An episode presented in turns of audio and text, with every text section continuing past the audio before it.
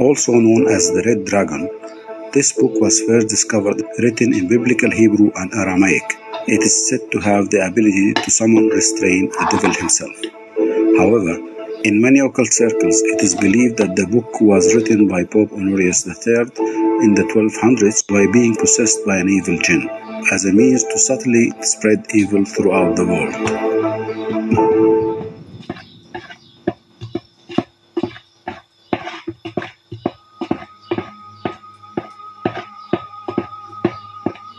In late September 2017, the Amasya Provincial Gendarmerie Command in Turkey had received information concerning a rare antique smuggler trading items that were not only hundreds of years old, but perhaps thousands.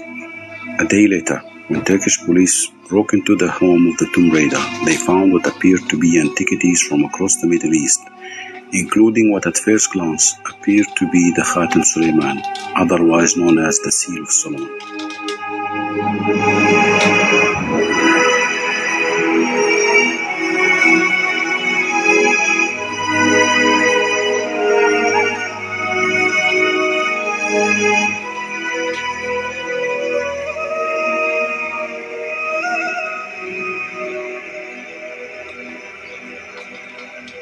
An anomalous ring belonging to Prophet Sulaiman that gave the wearer the ability to control an army of demons. This item is just one of the many occult items that have appeared in both Western and Eastern lore that is said, if found, can grant its owners unlimited power over the natural world and the supernatural.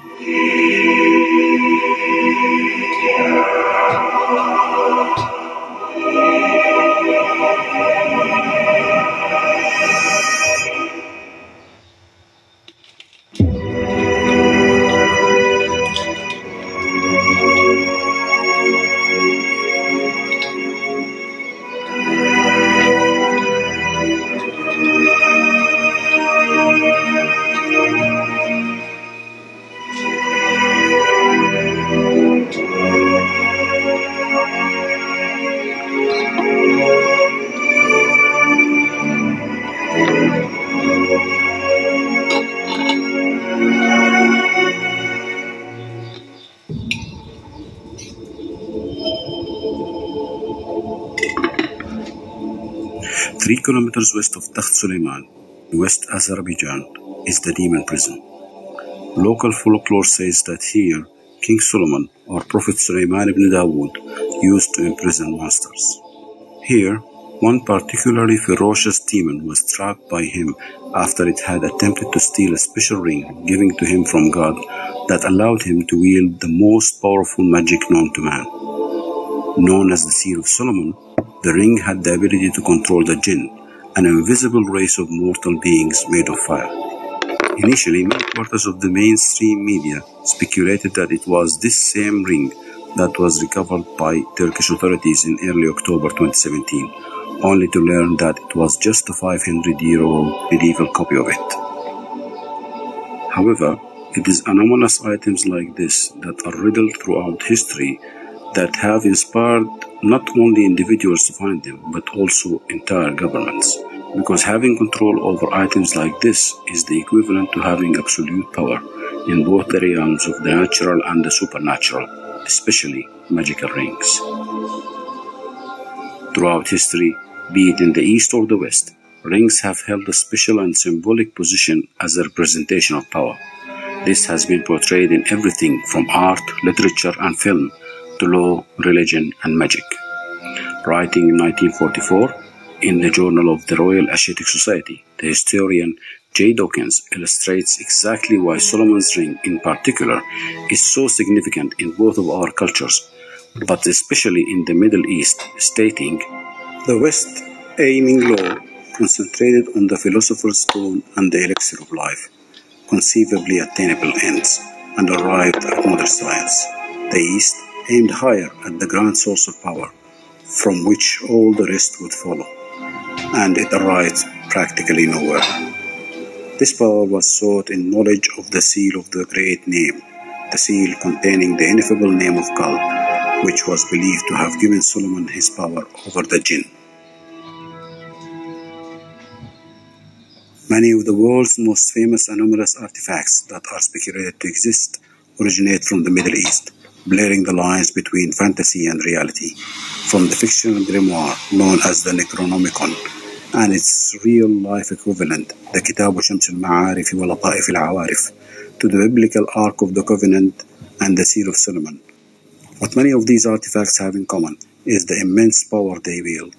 The Seal of Solomon, if ever found, would be one of the most powerful anomalous items in existence, at least according to Islamic and Jewish sources. Suleiman is highly revered, and because of his power, many relics and items associated with him have been pursued for thousands of years up until this very day, including his magical ring. The origins of the stories surrounding the Seal of Solomon are difficult to establish. But many skeptical historians believe medieval Arabic writers developed the lore of the artifact as well as its hexagram design that features a pentagram. Because hexagrams were used so prominently in Jewish historic literature from the early medieval period, it is generally agreed by most scholars that the symbol entered the Kabbalistic traditions via Arabic literature.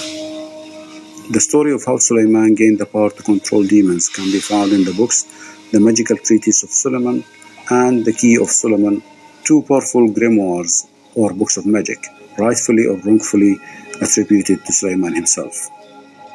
In the Magical Treatise of Solomon, it states that his chief overseer had been plagued by a jinn who stole half his wages and food and drained his life by sucking the thumb of his right hand. Not knowing what to do, Suleiman prayed to God for help and was given a magical ring by the archangel Michael. This ring had the seal of God in the shape of a pentagram, giving Solomon the power to control the demons. According to Judeo-Christian traditions, once he used the ring to subdue the demon harassing his chief overseer, he summoned the chief of the demons. Using his ring, he commanded it to bring another demon, until a large number of them were assembled before Suleiman. The king proceeded to interrogate each one and learn from them their names, where they lived, origin, and which words had power over them. Today, this precious magic ring is said to be buried alongside the body of the king Suleiman. And according to legend, the one who finds the ring could become the ruler of the world.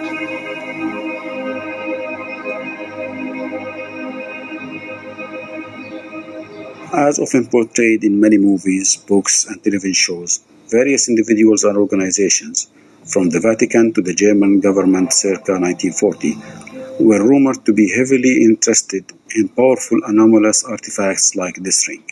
In fact, the German government in particular had an interest in the occult that is legendary. In March 2016, a collection of 13,000 occult and witchcraft books were found at the National Library of the Czech Republic in Prague. It belonged to Heinrich Himmler, an SS chief.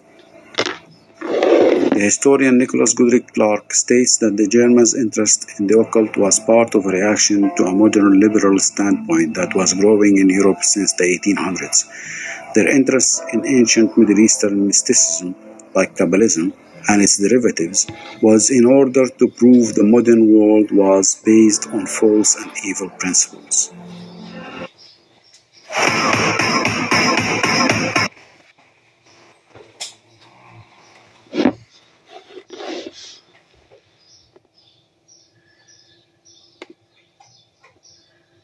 According to Kamran Fakir in his book, The Rise of the Antichrist, much of Germany's involvement in the Middle East and North Africa during the 1940s were consequently partly motivated to acquire ancient Middle Eastern relics that hold supernatural power.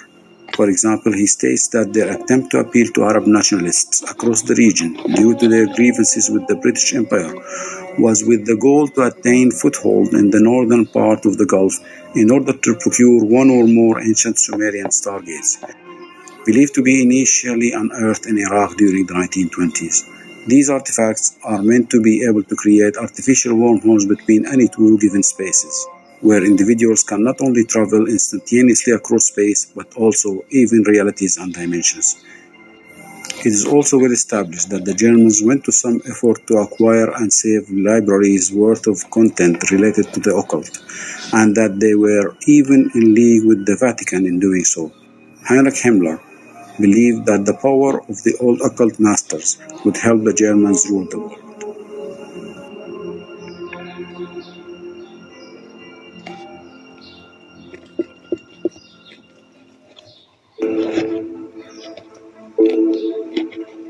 Other esoteric organizations and societies, both past and present, who have an interest in the Middle Eastern occult includes the Kabbalah and of course the Knights Templar. Founded around 1118 during the times of the Crusades in Jordan, Hugh de Payens, a French knight, created the Knights Templar. From the Levant, the order established and maintained contact with mystic sects of different Middle Eastern religions and denominations, including sorcerers from across the Abrahamic faith. Here, one of the most famous artifacts they have been associated with is the Ark of the Covenant. According to the Hebrew Bible and Islamic scholars, the Ark is a chest that holds tablets engraved with the Ten Commandments. With a legacy like this, it is understandable why such an anomalous artifact, perhaps the most powerful artifact in history, would be the target of the Knights Templar. This takes us back to Prophet Sulaiman, who is believed to have at one time had guardianship over the ark. Like the ark, his ring remains a source of speculation and interest due to its power. But to understand that power, magic is required. From an Islamic Middle Eastern perspective, the practice of any form of magic is prohibited as it usually requires an interaction with the jinn, whether the practitioner is aware of it or not. Although Suleiman's power did not come from jinn but from God, what came after with regards to some of his artifacts is believed to be demonically influenced. In the books Magical Treatise of Solomon and The Key of Solomon, it is believed by some that understanding these works will provide the reader the ability to control the jinn in the way Suleiman did. Could their reader actually get the same results of Suleiman? Theologically speaking, likely not simply because they are not prophets from God? Could they still attain some kind of supernatural influence from reading them? Well, the Vatican might believe so. Locked deep within their archives is a book called Grand Grimoire, a book derived from the Key of Solomon, also known as the Red Dragon. This book was first discovered in Palestine in 1750, written in Biblical Hebrew and Aramaic. It is said to have the ability to summon restraint and have a self-serving power over the devil himself. However, in many occult circles, it is believed that the book was written by Pope Honorius III in the 1200s while being possessed by an evil jinn, and that this jinn used the Pope as a means to subtly spread evil throughout the world. Therefore, in other words, this book and other occult artifacts more associated with evil and destruction want to be found and used. Ultimately, this could be seen as a metaphor for power in itself, be it supernatural or even natural, where the one who thinks they are wielding power are in fact being wounded by it. So what do you think? Please leave a comment below and let us know and don't forget to like and subscribe. If you want to contribute to the growth of this channel to take it to Netflix levels of production, please consider contributing